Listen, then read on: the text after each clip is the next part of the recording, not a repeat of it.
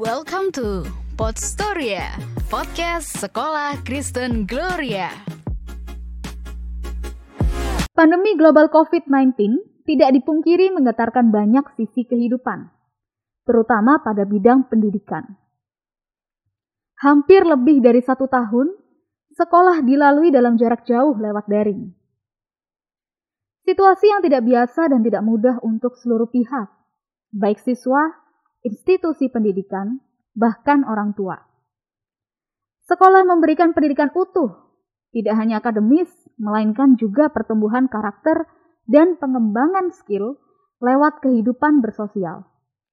Hal ini tentu menghadapi rintangan yang tidak mudah, khususnya pada jenjang besar atau pada jenjang remaja, yang kerap diwarnai dengan tingkah emosi psikologis anak yang cenderung tidak seimbang. Dengan kondisi sekolah jarak jauh ini, tidak dapat ditepis bahwa peran keluarga, khususnya orang tua, sangat penting untuk mendampingi remaja dalam perkembangan emosi psikologisnya. Sehingga diperlukan sinergisitas yang kuat antara orang tua dan sekolah dalam pendampingan anak remaja. Lantas, hal apa saja dan bagaimana langkah yang perlu diperhatikan orang tua dalam mendampingi putra-putri di usia remaja saat situasi pandemi ini? Di episode 3 kali ini sedikit lebih berbeda karena kali ini kita akan kedatangan dua tamu spesial. Baik, uh, yang pertama ada Miss Deborah atau yang kerap kita sapa dengan Miss Debbie. Beliau merupakan kepala operasional SMP dan SMA Kristen Gloria. Halo Miss Debbie. Halo Miss kita. Baik, yang kedua ada Ibu Siska ya. Beliau merupakan salah satu orang tua siswa di SMP Kristen Gloria. Halo Ibu Siska. Ya, hai Miss Gita. Oke, baik. Yang pertama nih mungkin kita bisa tanya dulu dengan Miss Debbie. Uh, Miss Debbie, saya tuh sempat membaca beberapa artikel ya di internet dan saya tuh ada menemukan salah satu pernyataan yang sebenarnya juga kesimpulan dari beberapa artikel yang sudah saya baca. Ini menarik buat saya karena uh, saya temui ada pernyataan dari uh, Iksan Bella Persada ya, salah satu Master of Psikologi ini. Uh, beliau mengatakan bahwa kesehatan mental remaja di masa pandemi ini bisa terganggu karena mereka belum memiliki kemampuan problem solving ataupun juga kontrol diri dan emosi yang tidak optimal. Benar gak sih, Bu? Iya. Uh, jadi usia-usia remaja ini ya sekitar 12 sampai 16 tahun itu memang masa-masa di mana kita bisa mengarahkan dan memaksimalkan mereka. Karena dalam tahap-tahap usia seperti itu mereka tuh sedang berkembang-berkembangnya nih ya. Mereka sedang mencoba mencari uh, jati dirinya. Saya ini siapa? Lingkungan saya ini gimana? Gitu ya. Rasa ingin tahunya itu sangat tinggi sekali ya. Dan juga mereka itu sedang uh, mengembangkan area sosial mereka kepingin jadi ini, kepingin uh, apa punya mimpi ini gitu ya, kepingin bisa berkomunikasi dengan ini. Nah saat-saat seperti itulah saat-saat yang uh, apa dianggap bisa dimaksimalkan sebetulnya ya. Nah tetapi dengan adanya pandemi ini yang di mana kita tahu memaksa kita untuk cepat berubah, mengikuti dan beradaptasi dengan perubahan, itu membuat kesulitan tersendiri dari mereka dengan mereka antusiasnya sekali ingin mengetahui dirinya, lingkungannya, ya rasa ingin tahunya. Tetapi di satu sisi dibatasin, nggak boleh ini, nggak boleh itu, harus begini, harus begitu, gitu ya. Nah itu membuat mereka juga mulai merasa ketidakseimbangan di dalam mereka mengekspresikan kehidupan mereka, gitu. Jadi benar-benar memang kondisi pandemi ini yang menuntut mereka harus bisa cepat berubah, terima dan adaptasi. Itu yang membuat mereka kadang-kadang di tengah jalan itu aduh kayak apa ya kondisi seperti ini. Nggak imbang gitu. Nah sehingga mungkin ya terjadi ada gangguan-gangguan sedikit di dalam mental mereka, psikis mereka, fisik juga mungkinnya lagi giat-giatnya bertumbuh nih sel-selnya ya, pertumbuhannya maksimal banget. Tetapi duduk terus, belajar duduk, nggak boleh ke mana-mana, gerak juga terbatas.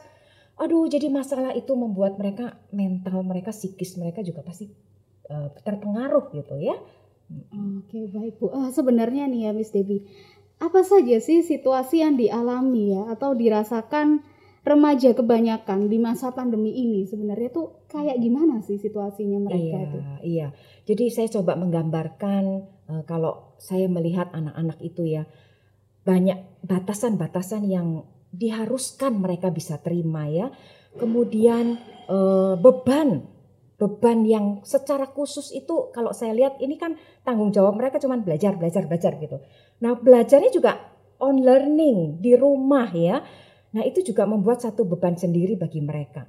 Mereka mungkin uh, kesulitan internet ya itu jadi beban utama mereka dalam mampu nggak ya saya tuh ngikutin sekolah dari rumah begitu. Terus kemudian melihat rumahnya juga nggak kondusif untuk mereka bisa punya suasana belajar yang kayak di sekolah bisa fokus, bisa senang gitu ya. Terus ada lagi juga yang sangat saya rasakan dari anak-anak ini kehilangan momen-momen yang sesungguhnya sangat berharga di usia-usia itu. Ketemu teman ya, terus senang apa ya bercengkrama, mungkin mau curhat kesedihannya, mau pamer nih saya punya game baru begitu ya.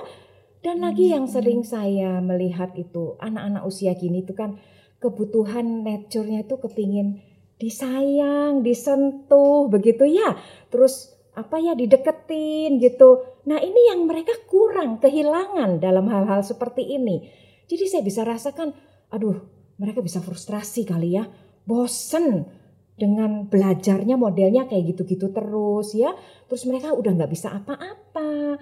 Akhirnya mereka nggak semangat di dalam menghidupi hari-harinya, menjalani kegiatannya. Nah kalau udah nggak bersemangat, bosan, frustrasi, aduh itu sangat mempengaruhi semua sisi kehidupan mereka. Apalagi kalau keluarga nggak bisa mendukung mereka, nggak support mereka, nggak tahu mereka itu kayak apa. Nah perasaan-perasaan yang kacau balau ini, yang mungkin dirasakan oleh anak-anak kita di saat-saat pandemi ini. Gitu. Oke baik. Berarti mungkin uh, bisa diartikan ya uh, Miss Debbie kalau uh, kebutuhan sosialisasi dengan teman, kebutuhan sosial dengan teman ini juga sebenarnya sesuatu hal yang sangat-sangat dibutuhkan hmm, sebenarnya betul. ya untuk pertumbuhan remaja ya. Betul. Baik, oke. Okay. Tadi juga Miss Debbie pernah uh, sempat menyinggung tentang bagaimana orang tua uh, bagaimana keluarga ini juga berperan sangat penting ya dalam pertumbuhan remaja sendiri. Nah, ini saya mau ngobrol sama Bu Siske juga nih. Ya, Bu Siske, sebenarnya permasalahan apa yang sering kali ibu atau mungkin rekan-rekan orang tua rasakan ya atau alami lah ya ketika mendampingi atau menghadapi putra-putri remaja di masa home learning ini? Mungkin adakah kecemasan yang Bu Siske pernah tahu dialami oleh anak usia remaja di masa home learning ini. Iya, Miss. Seperti yang tadi uh, Miss Debbie terangkan, jelaskan ya. Memang saat ini usia-usia remaja itu sedang mencari jati diri mereka. Peralihan dari SD ke SMP, mereka mulai merasa ada perubahan pada diri mereka. Mereka mau menjadi orang yang seperti mana yang mereka cita-citakan. Mereka merasa mereka sudah lebih besar usianya daripada anak SD kan ya. Mereka mau cari jati diri mereka Uh, untungnya saat ini mereka bisa cari dari Google. Tapi sebagai orang tua, kita tuh perlu terus mendampingi. Karena kadang kan dari Google juga kalau diterima mentah-mentah begitu kan berbahaya. Jadi kita sebagai orang tua kita harus duduk bersama mereka, dekat bersama mereka, menanyakan apa yang sekarang mereka rasakan, ada pertanyaan apa yang mereka butuh kita bimbing atau gimana, seperti gitu. Uh, saya sih sebagai orang tua berusaha membimbing anak saya dengan juga mendoakan bersama suami. Terus uh, kita dekatkan dia imannya kepada Tuhan supaya mereka uh, juga bisa uh, mencari nilai-nilai itu secara agama. Uh, juga mereka bisa memilah-milah sesuatu yang baik sesuatu yang tidak baik untuk pertumbuhan mereka seperti itu Miss nah kalau dalam uh, uh, proses pembelajaran online saat ini tentu banyak permasalahan-permasalahan yang mereka hadapi. Yang paling utama mereka kan harus belajar tidak di sekolah. Mereka belajar di rumah menggunakan Zoom. Nah, yang paling pertama itu jaringan internet. Kadang sudah tiba-tiba error. Semua anak satu rumah langsung teriak. saya kebetulan punya tiga anak teriak semua itu anak yang mulai dari SMP sampai SD unstable ma unstable. Langsung saya pindahkan. Saya sedia eh, dua jaringan internet. Saya langsung pindahkan ke yang lainnya gitu. Jadi supaya mereka bisa tenang. Kebetulan saya juga menyediakan ruangan. Jadi setiap anak eh, zoomnya masing-masing kamar sendiri-sendiri. Ya kita orang tua ini gilir aja. Pindah dari satu kamar satu kamar satu kamar. Memantau mereka ya mis ya. Kalau tidak dipantau kadang memang kelihatannya zoom. Tapi sambil melongo atau sampai di samping ada mainan dibuat mainan barang gitu. Jadi kita harus tetap eh, memantau juga. Kadang saya juga lihat oh rupanya guru ini miss ini oh ngajarnya gini asik. Kadang juga dia tidak ngerti mah ini tadi missnya ngomong gini apa itu? Nah, kita langsung di sana kan bisa incas ya. Oh ini artinya ini maksudnya ini gitu. Tapi ya tidak memotong terus-terus gitu. Ya udah ya belajar yang baik tinggal gitu. Terus juga masalah sekarang ini yaitu yang tadi Miss bilang games. Anak-anak itu karena pikir di rumah ya. Jadi kan games main terus itu. Malah ada kadang tugas mereka merasa akhirnya tugas sekolah mereka rasa banyak. Karena mereka pada saat ada waktu luang mereka tidak cepat mengerjakan PR mereka. Tugas mereka tidak cepat dikerjakan. Nanti besok sudah mau kumpul bingung deh panik. Aduh saya belum kerja gimana tugasnya? Gitu nah padahal mereka sudah menggunakan waktu yang ada untuk bermain game. Jadi mereka masih belum bisa memanage mereka punya waktu. Eh, tanggung jawab mereka juga masih kurang ya. Masih ya anak remaja gitu. Jadi kita sebagai orang tua kita harus sering eh, sampaikan ayo tugas sudah selesai. Bisa main ini bisa nonton ini. Kalau saya sih seperti gitu di rumah. Gitu Miss. Oke, berarti eh, menurut Bu Siska sendiri, Bu Siska setuju ya Bu? Ya kan kadang mungkin kita kalau untuk eh, usia remaja, mungkin kebanyakan orang tua berpikir ah udah gede udah dibiarin aja gitu. Padahal sebenarnya mereka ini juga tetap harus kita pantau sesekali begitu ya Bu Siska. ya? Iya, benar Miss. Saya malah dulu waktu awal-awal saya lebih perhatikan ke adiknya, eh, anak saya yang SMP ya, bisa protes.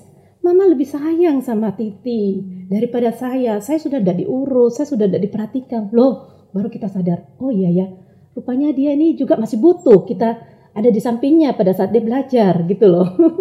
Seperti itu. Jadi dia bisa meminta. Eh, kemudian saya dengan suami, oke, kita berbagi kalau saya lagi di sini kamu di sana kalau eh, kamu eh, saya lagi pantau si Cece kamu tolong deh yang adik karena kebetulan suami saya kan work from home ya selama satu setengah tahun pandemi ini kita eh, lebih berhati-hati jadi ya work from home aja dulu sementara gitu Oke baik itu. Berarti eh, ini ya, memang di usia remaja psikologisnya anak-anak usia remaja justru lebih sensitif ya. betul. Betul betul. Tapi harus hati-hati juga ya Miss. Kalau seperti anak saya mungkin karena dia sudah terbiasa ya ngobrol sama kita ada masalahnya apa kita juga eh, perhatian. Tapi mungkin ada orang tua yang bekerja. Orang tua yang bekerja terus pulangnya sudah malam sudah capek.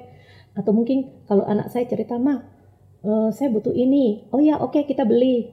Eh, kita suruh eh, mungkin staff belikan atau gimana. Tapi kadang ada mungkin keluarga mas saya butuh ini. Aduh kamu beli sendirilah kamu gojek sendirilah mama juga capek mama juga sibuk ya. Jadi mungkin anak-anak kemudian merasa aduh saya kok tidak di care lagi sama orang tua. Itu yang saya pernah dengar sih ceritanya seperti itu miss.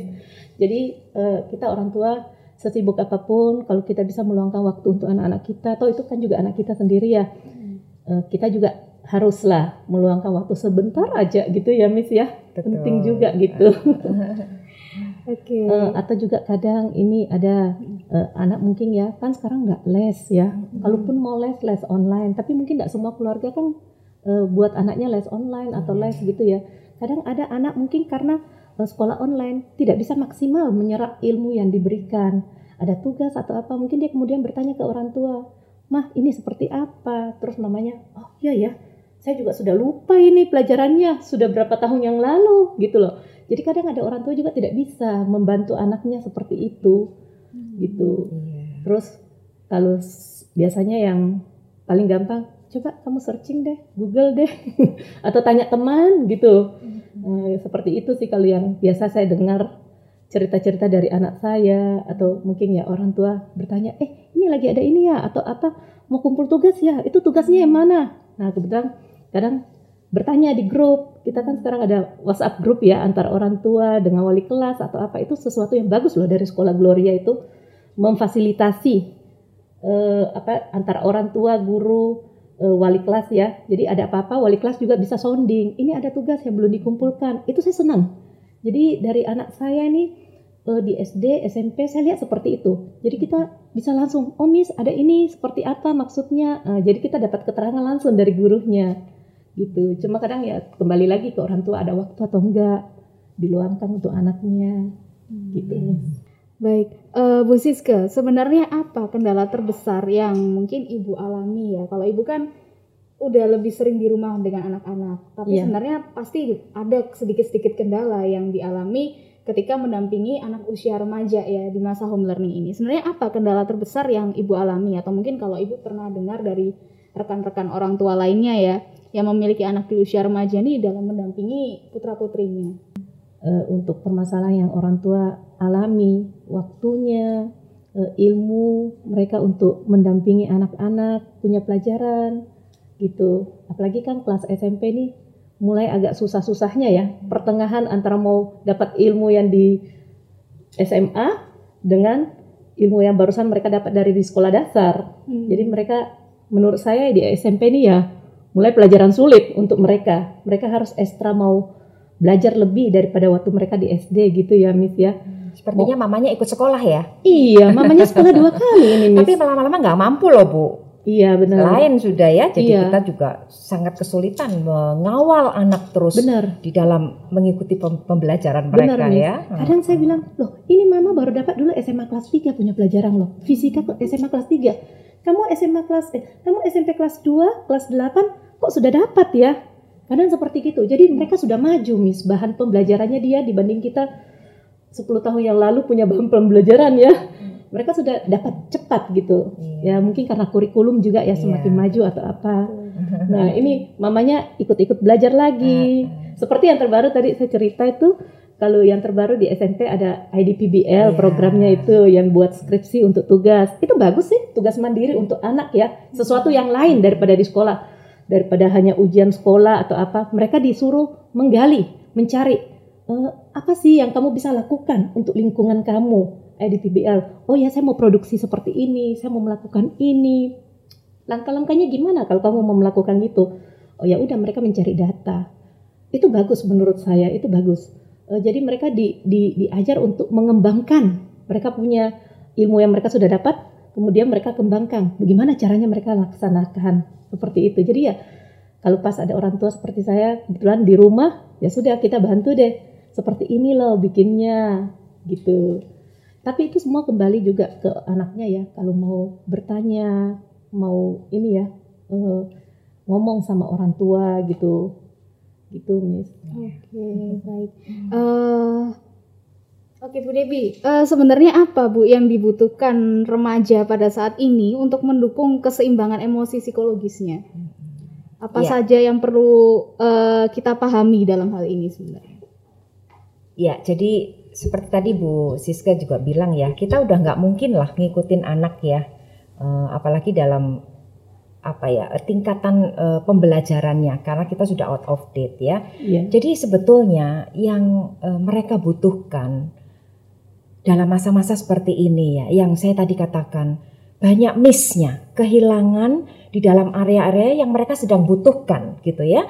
Kehilangan sekali karena keterbatasan dari situasi pandemi. Tapi di sisi lain, mereka lagi kembang tumbuh kembangnya pesat banget. Nah, ini tidak imbang. Nah, sebagai orang tua, memang status kita itu orang tua ya, tetapi menghadapi anak yang seperti ini dalam zaman yang milenial dan dalam kondisi yang penuh keterbatasan. Nah, kita harus cari apa yang benar-benar menjadi kebutuhan mereka sebetulnya? Dan yang itu mempengaruhi ke seluruh area hidup mereka termasuk akademisnya. Mau mandiri mau belajar sendiri tanggung jawab. Nah sebetulnya memang area mental psikologis anak itu yang sangat mereka butuhkan. Jadi peran kita adalah menjadi betul status kita orang tua tapi menjadi teman bicara ya. Mengerti apa yang sedang mereka rasakan gak cuma menuntut menuntut kamu harusnya begini nih mama udah nggak ngerti nih kayak gini cari sendiri gitu atau kamu udah gede, udah kayak gitu mestinya. Mama nggak mau kamu kayak gitu. Atau kadang-kadang, mama udah cukupin lo ya semuanya ya. Mama nggak mau tahu lagi. Kamu kerjakan sendiri. Kamu udah gede. Kapan kamu gedenya? Kalau mama terus-terusan ikutin kamu kayak gini. Ah, itu itu yang kadang-kadang orang tua itu lupa. Kalau anak zaman sekarang dengan kondisi pandemi, mereka nggak butuh itu kok. Mereka tahu sebetulnya.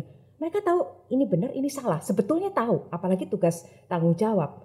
Tapi mereka tidak berdaya gitu loh. Tidak berdaya untuk mengatasi masalah ini.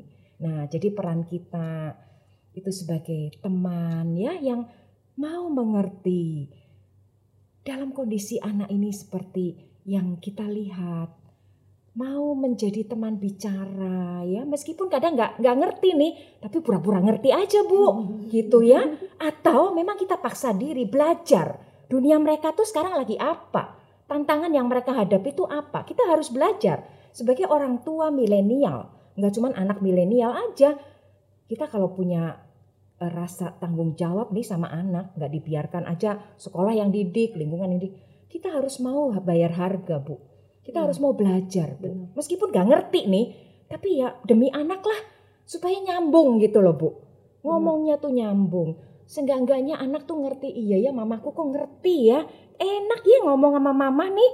Mama ngerti meskipun kadang-kadang kita juga ngertinya secuplik-secuplik. Iya. Tapi dari langkah awal ini, mereka bisa lihat perhatian si mamah ini. Bukan secara finansial aja, bukan kayak mama-mama nasehat, waduh ngomong terus. Enggak, mamaku lain.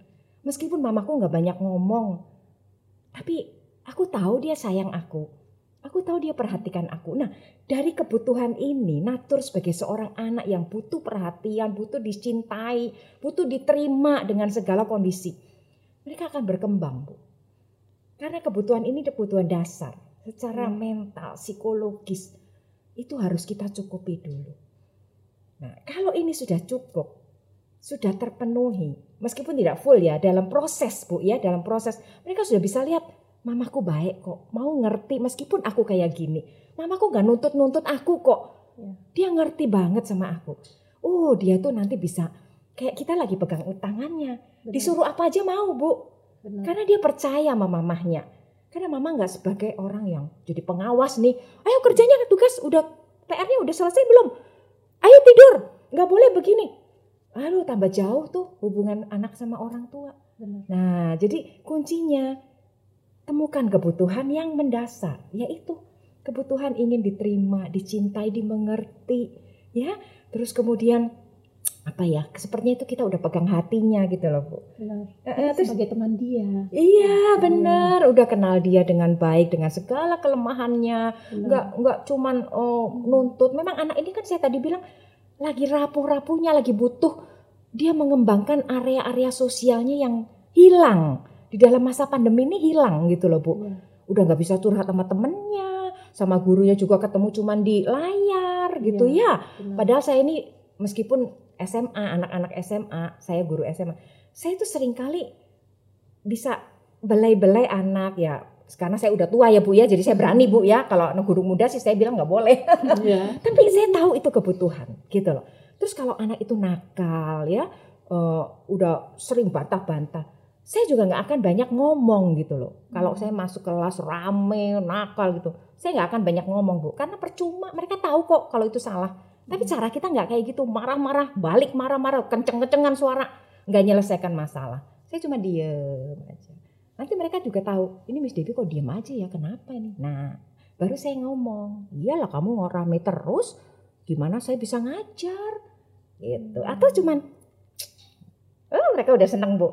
Atau kalau nakal, tak giniin aja bu. Ah, saya nggak usah marah-marah gitu, karena Iya. mereka tahu kok. Mereka tahu sebetulnya itu salah, tapi butuh perhatian bu, butuh pendekatan yang spesial gitu loh. Nggak perlu dibalas marah. Saya cuma bilang, ya, ya. gitu-gitu sendiri gitu loh. Jadi itulah cara pendekatan anak untuk memenuhi kebutuhan psikologisnya mereka dalam masa-masa yang mereka sendiri nggak bisa berbuat apa-apa. Ya, jadi sebagai orang tua, guru juga saya juga selalu katakan, jangan bisanya nuntut, nuntut begitu. Coba kita perhatikan anak-anak, terima dulu mereka. Ambil hati mereka, pegang dulu tangan mereka. meskipun di layar ya, tetapi kita kan punya cara lah Bu ya untuk bisa ada relationship dulu. Nah, kalau ini udah disentuh nih di area ini, aduh sehat mental tuh sehat segalanya Bu. Benar. Mereka bisa mandiri, tahu waktunya, kapan mau selesaikan tugas, ya toh, kapan harus eh, apa menahan emosi, karena mereka tahu ada seseorang yang siap menolong saya, ada seseorang yang mengerti saya, gitu. Benar. Iya. Berarti memang em, menyentuh hati ya, Hmm. sentuh hatinya dulu, lalu em, afeksi kita harus memberikan Iya. afeksi yang penuh. Sebenarnya usia remaja ini bukan berarti mereka ini kelihatannya mandiri, bukan berarti oh ya udah be- dibebasin aja, dibiarin Iya. aja, bukan. Justru mereka ini yang butuh perhatian lebih ya. Kelihatannya memang kayaknya mandiri, kelihatannya memang pinter, emang pinter bu. Kita aja udah nggak ngerti, nggak ngerti ya begitu cepatnya ini eh, eh, apa ipteknya mereka udah bisa bu. Benar. Tapi ya gitu, kebutuhannya bukan kayak gitu bu sebetulnya. Jauh di dasar hatinya tuh mereka butuh support. Benar. Mm-mm. Betul, butuh di, disa- didampingi, Iya disentuh. betul, disentuh bu. Touch, eh, Itu mereka natur anak sih ya, Benar, apalagi benar. remaja gini, cari perhatian bu. Benar, Oh, Miss. oh. Kadang saya juga kalau ada waktu luang gitu, ayo sini duduk. Saya tanya, kamu ada masalah apa? Saya sih tidak Iya. ada masalah. Iya. Tapi kemudian dia bercerita tentang kondisi. Langsung bisa cerita Eh, ya. Langsung Eh, bercerita eh. tentang kondisi ya di yang eh, temannya atau apa. Terus saya saya ulang lagi, bagi kamu sendiri ada masalah nggak? Saya sih semuanya oke-oke saja. Oke lah kalau kamu dalam keadaan baik dalam kondisi bagus, oke, mama senang. Iya. Kemudian dia bercerita tentang, "Ma, temanku ada begini, di sekolah begini sih, begini begini." Ya udah, saya kasih solusi. Saya bilang, "Oh, kamu kalau bisa kamu kasih tahu ke temanmu, harus begini, berhati-hati, pergaulan atau gimana." Kan sekarang zaman kan gadget semua ya. Eh, cepat tersebar. Satu berita apa semua cepat tersebar. Saya saya kasih kasih masukan ke dia. Saya bilang kamu juga harus bisa bimbing teman kamu gitu loh. Intinya kita juga harus imannya kuat ya, Miss ya. Jadi mama ini ada selalu di sampingmu, papa juga ada selalu di sampingmu. Kita orang tua selalu mendampingi anak. Kalau ada temanmu yang memang karena kebutuhan orang tuanya harus bekerja atau gimana nggak bisa dampingi ya nggak apa-apa kamu sebagai teman kamu juga bisa berada di sampingnya mereka gitu loh. Saya Tapi tidak semua anak saya. bisa mengerti bu begitu. Tiap anak beda-beda. Makanya Iya. orang tua ini harus tahu bagaimana cara mendekati anak saya karena karakternya beda ya bu ya. Benar. Heeh. Saya tiga anak semua beda loh. Beda-beda kan. Jadi nggak bisa pakai pola yang sama. Benar. Mereka cara berpikirnya, Iya. eh, emosinya, manjanya, Betul. beda semua tiga anak ini. Mm-mm. Jadi saya oh gini ya, kalau si anak ini orangnya keras, nggak bisa diancam. Maunya kita dekati, kita gimana? Oh anak yang ke nomor begini, dia lebih senang kalau kita eh, kerasin dia. Kamu harus begini, harus begini. Dia merasa lebih ter- tertantang untuk bertanggung jawab. Anak yang kecil, oh ini paling kecil, tapi jangan juga terlalu di, dimanja, Dimanja. gitu. Nanti kakak-kakaknya pada cemburu, terus yang ini juga jadi terlena gitu. Jadi Hmm. eh, setiap pendekatan-pendekatan anak beda-beda sih. Saya lihat sesuai kebutuhan. Tipe orang tua juga beda-beda. Ada yang nggak kayak ibu, nggak bisa ngomong, nggak ngerti dunianya anak. Saya, saya sampai kalau eh, cerita-cerita ya sama mama-mama tuh, saya bilang nggak apa-apa. Tiap orang tuh nggak harus sama kayak ibu gitu ya. Iya. Ya cukup pokoknya anaknya diinceng-inceng sedikit, terus ditepuk-tepuk ya. Benar, Terus dielus-elus lah. Memang ibu nggak bisa ngomong kan, Mm-mm. karena ibu mungkin orang sederhana. Tetapi justru sentuhan, Sentuhan, itu benar. ya. Terus kemudian bentuk perhatian kita kasih makan makanan yang kesukaannya dia Benar. tanpa banyak ngomong. Katanya ibu nggak bisa ngomong, saya bilang gitu. Nah, tetapi bentuk-bentuk seperti itu itu justru yang membuat anak itu bisa kayak mama Iya. ini ngomong sama aku, aku nih sayang kamu loh nak Iya. gitu ya. Jadi memang tipe orang tua dalam mendampingi anak beda-beda. Nah, cat temukan apa yang bisa kita lakukan untuk anak-anak kita. Saya senang eh, anak saya dapat tugas buat eh, eh, lagu. Nah anak saya tuh ternyata dia buat semua sendiri. Tahu-tahu waktu dia mau rekaman baru dia kasih loh apa ini tugas tugas musik? Iya mah saya mau rekaman. Mana kalimat-kalimatnya saya baca. Saya malah yang nangis terharu. Jadi eh, mereka merasa Tuhan memegang mereka walaupun di masa-masa sulit. Tapi ada loh Bu orang tua yang nggak mau tahu. Dia ancam begini, pokoknya ya, Bu sampai Mama dipanggil kepala sekolah ya. Nah, Bu sampai Mama ditelepon sama sekolah ya, Mama nggak mau tahu. Nah itu kan kasihan. Kerjasama apa yang mau kita jalin kalau orang tua nggak mau tahu anaknya, ya toh?